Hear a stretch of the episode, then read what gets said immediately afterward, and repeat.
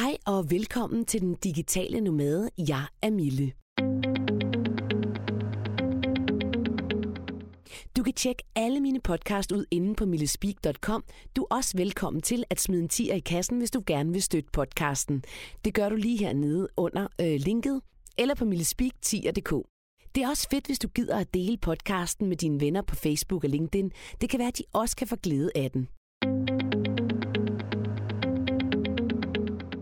Denne her podcast og de næste fire podcast, som jeg laver, det er en special edition. Jeg har valgt at lave et samarbejde med Rigitte Cecilie Rosenvinge, som er indehaver af blandt andet The Copenhagen Traveler. Vi har i de næste fire afsnit valgt at tale om livet som freelancer. Både hvordan man starter en virksomhed, hvordan man bliver ved med at have en virksomhed, hvordan man får kunder i butikken, hvor man får sin inspiration og kreativitet fra, hvordan man holder barsel og meget, meget mere. Det her er fjerde afsnit og det sidste i serien om at være freelancer. Hvis du gerne vil være freelancer, hvis du er freelancer, eller bare interesseret i det at skabe din egen virksomhed, så synes jeg, du skal lytte med, for der kommer så mange guldkorn. Hvis jeg altså selv skal sige det. og det skal jeg jo, for det her det er min podcast, Den Digitale Nomade. Nu i samarbejde med Rigitte Cecilie Rosenvinge. Og velkommen, Rigitte Cecilie Rosenvinge. Tusind tak. Igen, igen, igen, for det her det er nemlig vores fjerde podcast sammen om det at være freelancer. Ja. Yeah. Hvis man nu først er kommet ind øh, på den her sidste podcast, kan du så ikke mm. bare mhm. lige kort fortælle, hvad det egentlig er, du freelancer med? Jo, kort fortalt, så har jeg en øh, rejseblog, der hedder Copenhagen Traveler, der fokuserer på luksusrejser og bæredygtig turisme, om hvordan man kombinerer de to. Øhm, og deraf har jeg også en lille virksomhed, der hedder The Copenhagen Traveler Productions, der producerer øh, film til rejsebranchen. Og sidst men ikke mindst er jeg freelance journalist og coach. Ja. Så det er sådan der rundt, jeg lever. Og vi to, vi har haft øh, tre lange samtaler om det at være freelancer. Jeg selv har øh, millespeak.com, hvor jeg leverer mm. lyd, altså speak til forskellige medier, og jeg har en podcast, som er den her, Den Digitale Nomade og, ja. øh, og har også foredrag på menuen. Og øh, vi har mm. talt øh, om alle mulige forskellige ting om det at være freelancer, og har du ikke hørt dem, så vil jeg da råde dig til at hoppe ind på 1, 2 og 3, som øh, mm. ligger før denne her, som er vores fire podcast sammen. Rigitte, ja. vi talte jo om, øh, da vi talte sammen første gang, at vi godt tænker os at øh, i virkeligheden være rollemodeller for andre kvinder til at starte øh, som freelancer eller, eller deres egen virksomhed. Fordi, ja. fordi øh, at der egentlig ikke findes, eller der er ikke så mange kvindelige øh, freelancer, som der er mandlige freelancer. Præcis. Det tænker jeg i hvert fald ikke, der er. Nej, men det er der Æh... ikke, fordi det har jeg nemlig undersøgt. Altså, der er faktisk ja. i virkeligheden alt for lidt kvinder, som starter som selvstændig virksomhed. Og ifølge en artikel på Politiken, som jeg har læst fra 2016, så er antallet af iværksættere, det har faktisk aldrig været højere. Men det er mændene, der starter virksomheder. Ja. De starter syv ud af 10 virksomheder. Hold da op. Mm. Ja. Det er mange, ikke? Det er, der, det er værd at tale om. Jo, og værd at sætte fokus på. Ja. Det synes jeg. Men det er jo også meget op i debatten, ikke? Altså, det er jo ikke bare os, der taler om det, men, men det er sådan en generelt ting. Jeg tror ikke bare, det er i Danmark, men, men det er generelt til kvinder i hele verden, der ikke springer ud på samme måde, som mændene gør. Og det er selvfølgelig rigtig ærgerligt, fordi de er mindst lige så kapable, ikke? Jeg kan faktisk sige, at i Danmark står det, står det ekstra slemt til. Øhm, Danmark ja. har nemlig færrest kvindelige selvstændige jeg kan lige fortælle dig en anden artikel, nemlig, som er inden fra MMDK, øh, og den er fra 16 også. Danske kvinder de holder sig i den grad for tilværelsen som selvstændige erhvervsdrivende. Det viser en ny opgørelse fra OECD, der har undersøgt kønsfordelingen i 38 OECD- og partnerskabslande. Danmark skraber bunden. Og det gør Norge faktisk også, skal jeg fortælle det her, men der ligger nederst. Det gør Norge, Luxembourg, Danmark, Japan og Estland. Øverst ligger Grækenland med 23... Nej, undskyld. Det er Chile, der har flest kvindelige iværksættere. 28 procent. Chile? Og det er, det er jo faktisk meget interessant, fordi at, øh, hvorfor tror du egentlig, at der er så få iværksættere, som er kvinder eller freelancer i Danmark? Mm. Øh, puh, altså slag på tasken. Jeg tror, at øh, jeg tror stadig, at kvinderne er i en bestemt rolle. Vi taler rigtig meget om det her med kvindefrigørelse stadigvæk, og, og det her med ligestilling mellem kønnene, men der er jo ligestilling på forskellige måder, og jeg tror stadig, der er utrolig lang vej til at nå mm. målet omkring ligestilling øh, karrieremæssigt og lønmæssigt. Sjovt nok er der rigtig meget fokus på det, og de, tro, de fleste tror, at der er ligestilling, men det, det er langt fra tilfældet. Ikke? Øhm, og jeg tror, jeg tror stadig danske kvinder er meget præget af det der med, at øh, man har en speciel rolle, man skal leve op til. Og så prøver man det at være en god mor, og være en god kæreste, og være en god hustru, hvis man er det. Og så hvis man også skal til at skabe øh, sin egen virksomhed fra bunden af, jamen, det bliver måske for meget, fordi man så gerne vil være perfekt, man vil så gerne gøre tingene ordentligt. Så jeg tror, det ligger lidt i kulturen, det der med at leve op til de her mønstre, der er og har været i samfundet i rigtig mange år. Mm. Øhm, så jeg tror, der er noget med undskyld, det her med selvtillid at gøre, springe ud i tingene og ligesom vide øh, fra samfundet og fra omverdenen, om det, du kan gøre det lige så godt som en mand. Der tror jeg stadig, vi har rigtig lang vej. Hvorfor det lige er Danmark mere end andre lande, det, øh, det undrer mig egentlig lidt. Men, mm. øh... Ja, det undrede også mig. Og jeg, jeg, ja. jeg giver dig helt ret i, at jeg tror helt klart, at vores kultur er sådan, at øh, ja. det er det samme med, når, når vi skal ind lønforhandling. Hvorfor er det mænd får mere i løn end kvinder? Jamen, det er jo fordi, Præcis. at øh, vi er jo blevet opdraget til, at vi er ikke lige så meget værd. Altså, det er vi bare. He- hele samfundsstrukturen er, at øh, jamen, vi er ikke lige så gode og det synes jeg øh, har ligget, det synes jeg ligger stadigvæk i virkeligheden i, i den måde, ja. vi omtaler øh, kvinder på. Og det kan sgu godt nogle ja. gange irritere mig helt vildt. Og det er jo ikke noget, jeg tror ikke, det er noget, at folk de gør bevidst. Men altså bare det der med, når man var lille, så var det måske også noget med, om drenge de skulle få lov til nogle andre ting, end pigerne skulle få lov til, fordi jamen, jamen, det er ikke for mm. piger, eller jamen, piger skal ikke kravle så højt op i et træ, eller altså, hvorfor fanden skal de det? Altså det er jo også, så bliver vi indkapslet ind, i vores hjerne fra vi er helt små, at ah, det der med mod, det der med at være modig, fordi det er faktisk, øh, handler det meget om, tænker jeg, det handler om mod at springe ud som øh, selvstændig, ikke? Men hvis vi hele jo. vores barndom får at vide, at ah, du skal ikke springe op i det træ, eller du skal ikke gøre ditten, fordi det er ikke for piger, hvor skulle vi så også få det mod fra? Ja, Præcis. Så det ligger i både i samfundet, men også meget i opdragelsen. Mm. Øh, og det er jo selvfølgelig et produkt af hinanden, de to. Ikke? Men det, mm. der er rigtig meget med det der med opdragelsen af kvinder i Danmark, jeg tit har stusset over. Øhm, det har ligget der i generationer, og jeg tror stadigvæk, det ligger latent i rigtig mange øh, kvinder i dag, og, og øh, unge kvinder og børn, at jamen, du skal være på en bestemt måde, du skal leve op til de mm en rolle som værende en god mor, som jeg sagde, at være en god kæreste, og, og så bliver det for uoverskueligt, fordi du føler, at du fejler, du vil gerne gøre det hele så perfekt. Ja. Og det tror jeg faktisk er meget øh, nordisk. Ja, en nordisk ja. måde at tænke på. For du sagde lige, at Chile lå på førstepladsen mm. i kvindelige iværksætter og freelancer. Og der tror jeg bare, at man har en anden tilgang til det. Der passer familien barnet ja. en gang imellem. Ikke? Ja. Og man er mere sammen med hele familien, man er udenfor. Det er grundlæggende nogle helt andre værdier, man har. Og det, der kunne vi nok godt lære lidt af sydlændingen, ikke? Det tror ja. jeg på den, på den front. Ikke? Ja. Altså nu har jeg jo selv boet i Spanien i fem år, og jeg vil sige, og der er faktisk også en del selvstændige kvinder ja. i Spanien. Og, og det der jo sker, øh, det ved jeg ikke om er godt eller dårligt, men det er jo faktisk, at bedsteforældrene, de tager over på, på de børn der, og, øh, og hjælper simpelthen meget, en meget højere grad, end vi, vi ser i de nordiske lande. Og det er jo så også fordi, at øh, vores generation af forældre, de er pisse travlt, ikke? De er ude at realisere jo. sig selv, og de skal alt muligt, ditten, dytten, datten. Og det, det synes jeg også er fint nok. Men, men altså, man kan sige, jeg tror, det er derfor, det er nemmere at springe ud i det at være selvstændig, hvis man har et netværk, der kan hjælpe en med de daglige øh, gøremål. Fordi der vil jo være nogle ting, man ikke kan. Man kan måske ikke stå nede til alle forældremøderne, eller komme til alle festerne over i børnehaven, eller hvad det nu kan være, når man, øh, når man også er selvstændig. Nej, lige præcis. Og der er nogle ting, man må, man må give afkald på. Og så er det måske også lidt en hård verden. Altså det, øh, hvis man er introvert eller sensitiv, som mange mennesker jo også er. Mm. Jeg vil ikke kalde mig selv introvert, men jeg er sådan lidt en blanding, og jeg leder rigtig godt op, når jeg er alene, øh, mm. for hurtigt nok er for store forsamlinger, og sådan egentlig rimelig sensitiv, vil jeg sige. Og det kan godt være, være hårdt at face livet som freelancer, når man har det sådan. Og der tror jeg bare, at kvinder er mere tilbøjelige til at, til at bukke under for det og sige, at jeg er for følsom, og jeg kan ikke klare et nej, og jeg kan ikke leve op til de øh, idealer, der er på den front. Så, og det er selvfølgelig rigtig ærgerligt, fordi det, det kræver mange generationer at ændre det. Men bare vi starter nu, så er det ja, bedre end ingenting. helt klart. Men jeg tror også det der med, at der ligger en generel tendens altså, i det danske samfund om, at man altså stadigvæk ikke kan være selvstændig og så have familie samtidig. Det tror jeg i hvert fald sidder øh, hos mange, det der med, som du også mhm. sagde, at være perfekt. Ikke? Kan, jeg, kan jeg godt være en god mor, og så stadig ikke styre en forretning, og, ja. og du ved, lægge meget energi, fordi det kræver jo meget energi, ikke? Men, det. men, men som vi også har talt meget om, så giver det altså også en masse frihed, og, og jeg tænker faktisk, at det er ret fedt det der med at være freelancer, fordi man kan jo bare gå hjem klokken to, hvis man skal hente et barn en eller anden dag. Der er ikke noget med barns sygedag, og så kan man jo sidde og arbejde mm-hmm. om aftenen, ikke? Man kan tage rettelægge sin tid lidt bedre, ikke? Lige præcis, ikke? Så det giver også en frihed på den anden side, det gør det. Men, men det er meget interessant, det der debat øh, med, med kvinder og mænd versus øh, freelancing, ikke? Ja. Det synes jeg også.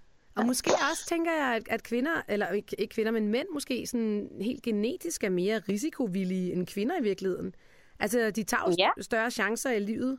For eksempel om at, at, at blive selvstændige, eller de kører stærkere, eller de lever livet lidt farligere. Det ligger måske ja. også sådan i generne, eller måske opdragelsen, det ved jeg ikke. Jeg tror det, og jeg tror også, det er derfor, det er meget, meget vigtigt ikke at punke folk og punke kønnene og ligesom slå hinanden nogen i hovedet og sige, kom nu, gør det nu. Mm. Fordi helt basalt set tror jeg bare, vi er så bundforskellige som mænd og kvinder. Og den forskel er, hvad der gør os mænd og kvinder, og det er det, vi skal respektere. For det er jo også det, er jo det der gør os til os.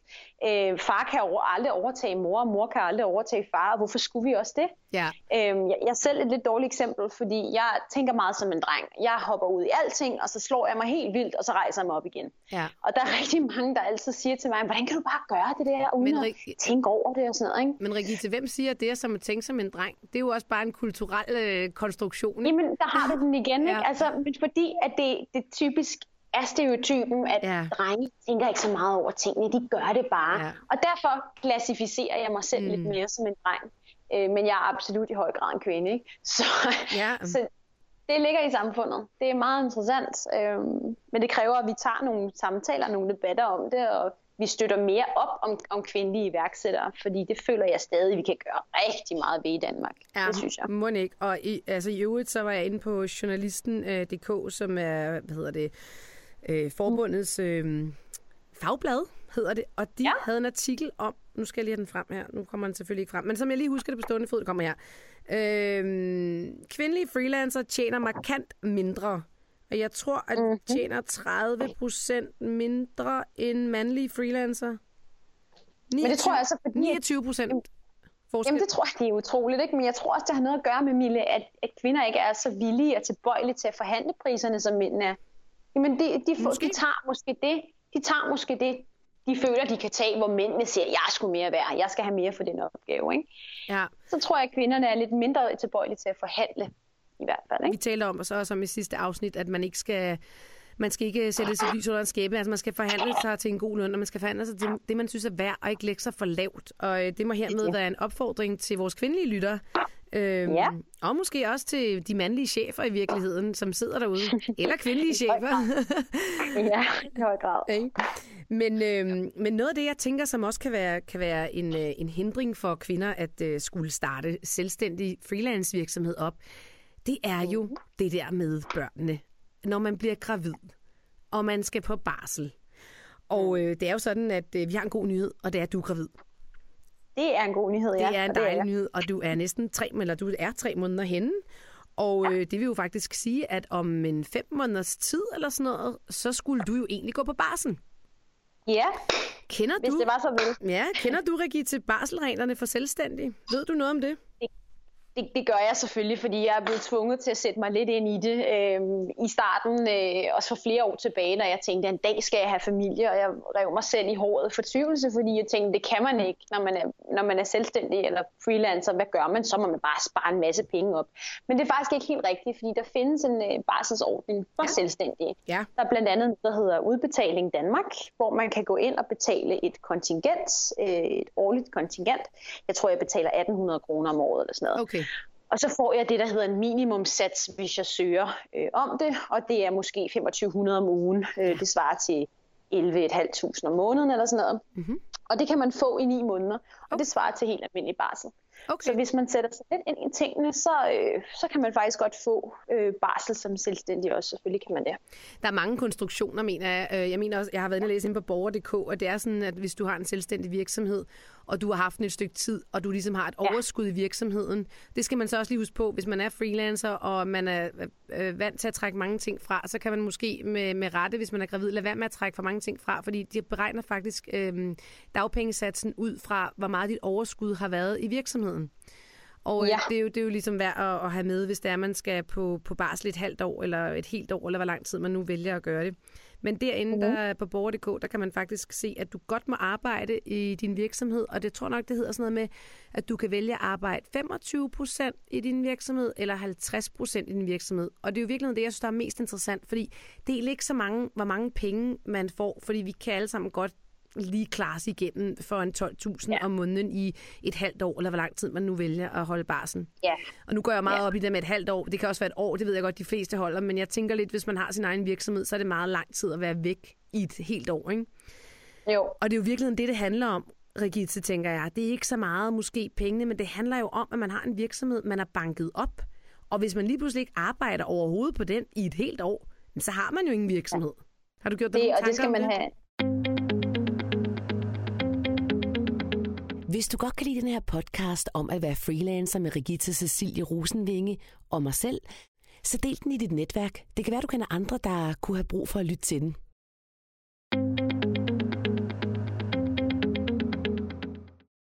Ja, selvfølgelig har jeg det, fordi øh, det er jo det er vigtigt for mig at bibeholde øh, mit arbejde, og jeg vil også blive vanvittig, hvis jeg bare sad i 3-4 måneder uden at lave noget. Mm. Men når det så er sagt, så er det en rigtig stor hjælp for mig, tror jeg, at få, øh, få den her barsel i, i de første måneder i hvert fald, fordi jeg vil selvfølgelig gerne være en god mor. Mm. Jeg vil gerne have tid til at vinde mig til at blive mor, og jeg vil gerne have tid til mit barn, øh, og lære mit barn at kende, uden at jeg har 10 deadlines, der ligger og venter. Det tror jeg slet ikke, man kan som nybagt mor. Mm.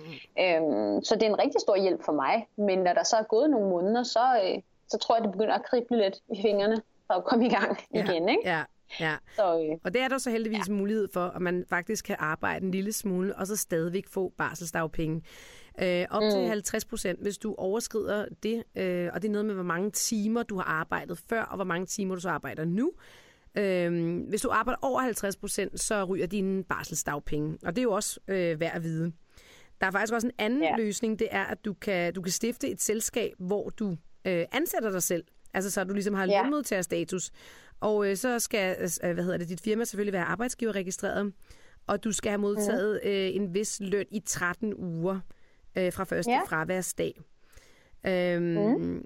Og så gør det faktisk, der er den der barseludligningsordning, øh, som gør, at man kan få refunderet alle lønomkostninger op til 25.000 kroner om måneden i omkring 25 uger hvis du okay. udbetaler løn under barslen. Og det tænker jeg også er en, en god løsning, fordi 25.000, det er jo lidt sjovere at leve for en 12, ikke? Ej, det må man sige. Det, og det er sådan nogle små ting, man, man bare skal sætte sig ind i, gerne mm. tidlig i graviditeten, ja. fordi selvfølgelig kan det lade sig gøre, hvis man planlægger lidt i forvejen, ikke? Ja. Og jeg tænker også, at hvis man er medlem af en, en form for barselsfond, eller har en forsikring, som du også selv nævne, så kan man helt sikkert mm. også få rådgivning, øh, hvis man ringer op til dem. Ja, det kan man. Helt sikkert det har jeg i hvert fald selv gjort, ikke? Og, og ringet rundt og til borger.dk øh, ved mm. at man kan, ja. kan få gode råd og hjælp og vejledning. Ikke? Ja, men jeg synes stadigvæk, altså jeg synes jo, det er super skønt, vi lever i et samfund, hvor at øh, vi overhovedet er berettiget til at få en form for, øh, for dagpenge, når det er, vi hvor for børn. Det synes jeg, det synes jeg er sindssygt dejligt. Men jeg kan godt, Jamen, det er det. Men jeg gad godt, at der var en, finde en løsning. Jeg ved ikke om, jeg tror aldrig, den findes, men jeg gad godt, at vi kunne finde en løsning på, hvordan vi stadig kan holde godt gang i vores virksomhed og være på barsel. ja. altså, hvordan kan man egentlig det, ikke? Jo, men det har jo også noget at gøre med, med hvad man ligesom måske forventer af, af forældreskabet. Hvad, hvad forventer man? Hvilken slags mor vil man gerne være? Mm. For man kan jo godt brage igennem med sit arbejde, selvom man har en, en lille nyfødt, hvis man virkelig elsker det. Jeg har en bekendt, øh, som, som fødte sin søn, og øh, 24 timer efter sad hun på kontoret med babyen i liften. Ikke? Ja, okay. Det er der, jo nogen, der er jo nogle mennesker, der bare gør det her, fordi de ikke kan lade være. Og jeg har ligesom valgt en anden approach at sige, det vigtigste for mig, det er barnet, og øh, at jeg helliger mig det her barn fuldstændig i de første måneder, indtil jeg begynder at mm og ikke at kunne sidde stille. Ikke? Så må man ligesom tage stik af det. Og det er en super interessant diskussion, og den har jo også været diskuteret mm. meget i medierne. Øh, blandt andet da øh, advokat øh, Eva Persson, hun gik ud og sagde, at hun ikke øh, holdt barsel, og så Nå, var der ja, det ramaskrig. Er, øh... Hun er i hvert fald advokat. Og hun gik ud og sagde, at hun øh, ikke holdt barsel, og så var der ramaskrig. Ikke? Og så, jeg vil også bare sige, at hvis man vælger den løsning, så skal man være forberedt på, at øh, der kommer øh, nogle kommentarer fra nær og fjern. Og det skal man ja. jo også kunne forholde sig til, og det tænker jeg ikke, fordi jeg synes, det er fair, men sådan er virkeligheden bare. Og det, skal man, mm-hmm. og det kan være lidt svært, tænker jeg, når man også lige, lige er født. Og, og det er bare sådan, at hormonerne sidder altså uden på tøjet, når man lige er født. Øh, det er også derfor, man skal tage sin tid til det, tænker jeg. ikke. Øh, at som kvinde at ligesom finde ud af, hvad føles rigtigt for mig. Ja. Men, men det er selvfølgelig vigtigt, hvis man, øh, hvis man har ambitioner i livet, så skal man ikke ligge under for, at man er blevet mor, og man skal sidde hjemme med det her barn. Fordi så har man sine ambitioner, og dem må man flette ind. Og så må man tage nogle ting fra samfundet, fordi folk har så utrolig mange holdninger og meninger til alt, når man er en kvinde, og hvordan man bør være, også i henhold til sine børn. Ikke? Ja. Prøv at lukke ørerne for det, fordi ja. det kommer der i hvert fald ikke noget godt ud af. Og det kan jo være en af årsager til, at man også tænker, at det der sådan freelance-liv der, jeg magter det ikke, fordi ja. så skal jeg høre på alt deres jammer, ikke? jo, præcis. øhm, men men ja. det, er en, det er en utrolig interessant diskussion. Men jeg, jeg tænker også, løsningen ville være for mig, eller jeg var jo selv freelancer, da jeg fik mit andet barn, Altså det er det der mm. med at, øh, at finde ud af, hvad det er først og fremmest et barn, du får. Fordi at mit andet barn var absolut ikke nemt. Altså hun havde kolik i to år og skreg hele tiden. Så det var jo nærmest okay. umuligt at kunne arbejde overhovedet. Jeg lignede jo en zombie. Ja, og, men, men, jeg, men jeg kunne dog trods alt lidt, øh, fordi jeg også havde en mand, der var freelancer. Og jeg gjorde okay. egentlig det, at jeg fik også barselsdagpenge, den der 12.000 kroner om måneden. Øhm, men så begyndte jeg nemlig efter nogle måneder at arbejde en lille smule. Sådan, du ved, jeg bare ja. havde lidt, så jeg kunne holde det kørende, og folk, hvis jeg var her lidt, og dyt, dyt, dyt. Og så, mm. så skulle jeg bare skrive, hvor mange timer jeg reelt havde brugt på det. Og, og det synes okay. jeg egentlig var en meget fin løsning. Og så trak de bare det i, øhm, i, i dagpenge, ikke? Og sådan kan jo. man jo også gøre, når man så er klar, øh, og det er, bliver man nok lidt hurtigere, når man er selvstændig, end hvis man, øh, hvis man er på... Det tror jeg. Ja. Og så tænker jeg også, altså det freelance-liv, vi lever, man kan jo altså godt have et barn med, hvis det er et forholdsvis øh, sådan stille og roligt barn, der ikke øh, skriger helt vildt. Så kan man sagtens have sit barn med på arbejde. Og så kan man, øh, når man alligevel holder pauser, så sidder man lige og dingle dangler lidt og synger sange, eller læser en bog for dem, eller hvad det kan være. Og så arbejder mm. man lidt videre igen, ikke? Og så sover de jo i øvrigt helt vildt meget, ikke? Nogen gør. Det har jeg hørt. Det ja, skulle nogen, være dejligt. Nogle børn. Jeg, jeg skal ikke spørge ja, mig. Sige, men... nej, nej, men det barn, jeg får, jeg, selvfølgelig har jeg tænkt mig at tage det med rundt, fordi jeg har en karriere, også hvor jeg rejser en del, og det har jeg ikke tænkt mig at holde op med.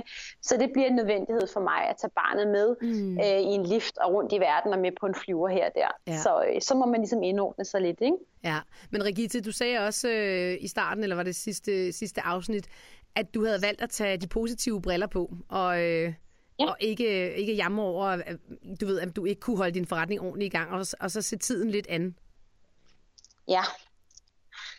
Det er en god øhm, indstilling. Ja. Ja, altså jeg synes jo, det er, det er vigtigt at, at forblive positiv, fordi hvad skal jeg bruge alt det negative til? Øh, jeg kan godt uh, lægge mig hen og, og græde og tænke, åh oh, nej, hvordan, hvordan går det, hvordan kommer det til at gå, når jeg har et barn, og det spiller ikke med min økonomi, og at sige, lige nu, har jeg den sidste måned, som du også sagde, der har min indtjening for eksempel ikke været lige så høj, som den plejer, mm. på grund af sommerferie og mm. ferie og sådan noget. Ikke? Mm. Øhm, og der kan jeg da godt tage mig selv i at tænke, okay, jeg er da rimelig nervøs, fordi jeg skal have et barn om et halvt år. Hvordan kommer det til? Men det går jo altid, og jeg har også partner heldigvis. Ikke? Ja. Så man klarer den, øh, fordi hvis man elsker det, man laver, øh, og man får et lille barn, øh, man også elsker, og man har en støtte i sin partner, så jeg er helt sikker på, at man nok skal klare det. Så jeg er sådan generelt rimelig positiv omkring øh, de fleste ting. Det er, det godt. Og jeg vil også bare lige sige ja. på den anden side, fordi jeg har jo øh, fået to børn, og øh, ligesom er over det der stadie, så vil jeg bare fortælle dig, at det går utrolig, utrolig stærkt. Så husk også lige at nyde det, øh, de der første par måneder der. Bare at være sammen med dit nyfødte barn. Det tænker jeg, der, det er der råd til. Det er der råd til i butikken, ikke? Det skal der være råd til. Det skal der være råd til, ja. Lige her til sidst, så tænker jeg, at jeg kunne godt tænke mig at spørge dig om, fordi det synes jeg også er meget interessant. Øh, vi startede den her podcast med at tale lidt om det der med, at, øh, at der faktisk øh, er meget få kvindelige freelancers slash iværksættere i Danmark. Og hvis jeg lige sådan kigger rundt på min vennekreds, min omgangskreds, mm. så har jeg rigtig mange drengevenner, der er enten selvstændige eller freelancer. Jeg tror nærmest ja. ikke, jeg kender nogen drenge eller mænd, der er ansat i et firma, længere, og jeg har faktisk ret mange drenge, men jeg tror godt lige, jeg kan tælle sådan hurtigt den 7, 8, 9 stykker, som jeg føler mig ret sådan tætte på. Og så kigger jeg på mine piger, mine veninder og mine søskende og alt sådan noget. Så kender mm. jeg ingen. Udover min lille søster, der lige er startet selvstændig for et halvt år siden for første gang. Øhm, men ellers kender jeg absolut ingen. Ja. Og det er jo egentlig ja. lidt usædvanligt, tænker jeg. Ja, og så alligevel ikke, når vi taler om de her statistikker, vi gjorde tidligere på i udsendelsen her. Ikke? Øh, det, det er jo tendensen. Øh, jeg ved ikke, om det er tendensen, men det er normen. Lad os håbe, tendensen er anderledes. Ja, ikke? lad os det. Øh, det, det, det tror jeg faktisk er meget... Øh, det, det overrasker mig ikke, at du har så mange øh, drengevenner og drengebekendtskaber, som, som springer ud som selvstændige. Ikke? Fordi kvinderne, de øh, er åbenbart lidt bagefter, øh, desværre. Med Men, dig? Hvad med ja. din omgangskreds? Hvordan ser det ud, billedet? Jamen det er sjovt, du siger det, fordi jeg har faktisk en del øh, veninder, der er selvstændige. Ja. Og som virkelig er gået efter guldet på den der måde. Øh, og sådan nogle stærke kvinder. De fleste af mine veninder er sådan nogle stærke, øh, selvstændige kvinder, ja. øh, som om ikke andet har prøvet at være selvstændige. Så har de måske fundet ud af, at det var ikke for dem, men de tog springet. Ikke? Mm. Øhm, og at drengevenner, jo, drengebekendtskaber, eller mandlige bekendtskaber, ja. jo, der har jeg også nogen, der er selvstændige, men jeg vil ikke sige, det er sådan overvejende for, for mændene. Der er lige så mange kvinder men man kan i, også i min opgang. Man kan også sige, det, det, vi, der er jo også 10 år imellem dig og mig, eller der er mere i virkeligheden, der er 13 år, ikke? Jo, det er nemlig rigtigt. Og det har altså en stor betydning for generationen, ikke? Altså det, jo, ja, det, det tænker jeg også. Altså det kan også være, at din generation øh, faktisk er, er der flere kvinder, der, der tør være selvstændige. Det vil, da, det vil da glæde mig helt vildt, hvis det, var, hvis det var den udvikling i virkeligheden, der er i gang. Jeg tror det lidt, Mille, fordi vi er blevet flasket lidt op med os dem, der er i starten af 20'erne i dag og skal til at vælge karriere og sådan noget. Ikke? Altså jeg, jeg tror, de bliver flasket lidt mere op med med det der med at være du ved, stærke, selvstændige kvinder, der skal mm. gå efter det, de gerne vil. Ikke? Mm. Så jeg håber da, at det holder stik, og øh, vi ser flere af dem fremover. Det vil være dejligt. Jeg tror altså også, altså nu, jeg tænker bare lige, altså det er ikke fordi, at jeg ikke er flasket op med at være stærke, selvstændige kvinder, fordi at det, det okay. synes jeg faktisk i den grad også, at, at vores, mine forældres generation har i hvert fald givet mig. Min far har også ja. været selvstændig, han har også altid sagt, I skal bare være selvstændige, det er meget federe, og det er super dejligt. Okay. Og sådan noget. Så det er, egentlig, det, det er helt klart noget, jeg selv er vokset op med. Men jeg tænker faktisk, der hvor den store forskel er, at det der internet. Altså, I ser, hvad der er muligt. Ja. I kan se, det er ikke ja. kun lige naboen, det er ikke lige kun lige ham der længere ned ad vejen, man kendte en anden selvstændig. Nu kan de unge mennesker se, mm. hvor mange der er det. De kan spejle sig i hinanden. De kan blive øh, søge inspiration på nettet. De kan se, at det kan fungere. Og det tror jeg er den mm. store mm. forskel. Det tror du har ret i et langt stykke hen ad vejen. Internettet har gjort alting mere muligt, men jeg tror stadig, det er en, en samfundsting. Øh, Altså jeg tror stadig, det er noget, der ligger i samfundet. Øh, det er blevet meget mere acceptabelt og tilgængeligt i samfundsdebatten nu, end det var for bare 20-30 år siden. Ikke? Mm. Øh, så det kan godt, selvfølgelig er der forskellige øh, tilgange til det, fordi din far var meget pro iværksætteri, og det var min far også, eller er min far også. Ikke? Mm. Det, det er selvfølgelig forskelligt fra familie til familie, men jeg tror generelt, at folk er meget præget af den samfundsdebat, debat, der kører, når de er unge og, og bliver påvirket. Ikke? Ja. Det var jeg da i hvert fald selv. Så så jeg kunne godt tænke mig egentlig at sige til vores lyttere, alle lyttere, og måske med specielt øh, for øje øh, til den kvindelige lytter, øh, hvis du går med de her drømme om at blive selvstændig, så øh, har du nu lyttet til Regitis og mine fire podcast om at øh, være freelancer.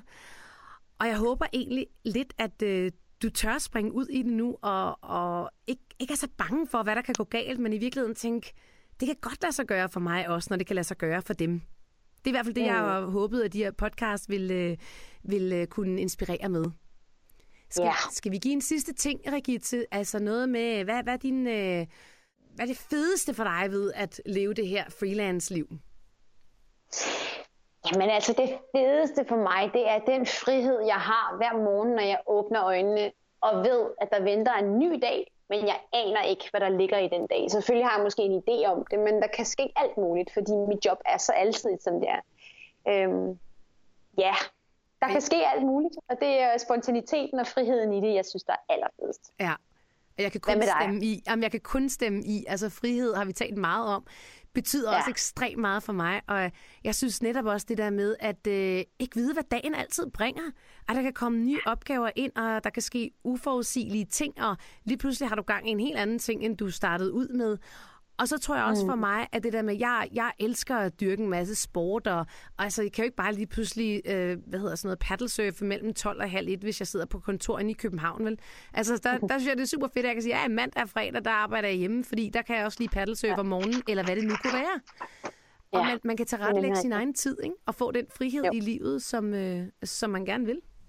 Ja, det er, en, det er en super motivation at lade det være det sidste ord i hvert fald for, for mange andre, der, øh, der har fået øh, blod på tanden omkring øh, det der med at være freelancer. Det er en super dejlig måde at leve på, men det er klart, den forpligter også, og den frihed, du får, den bliver på en eller anden måde taget lidt igen, fordi du skal yde lige så meget i sidste ende. Men friheden er i hvert fald min motivation, ligesom, ligesom din, ikke?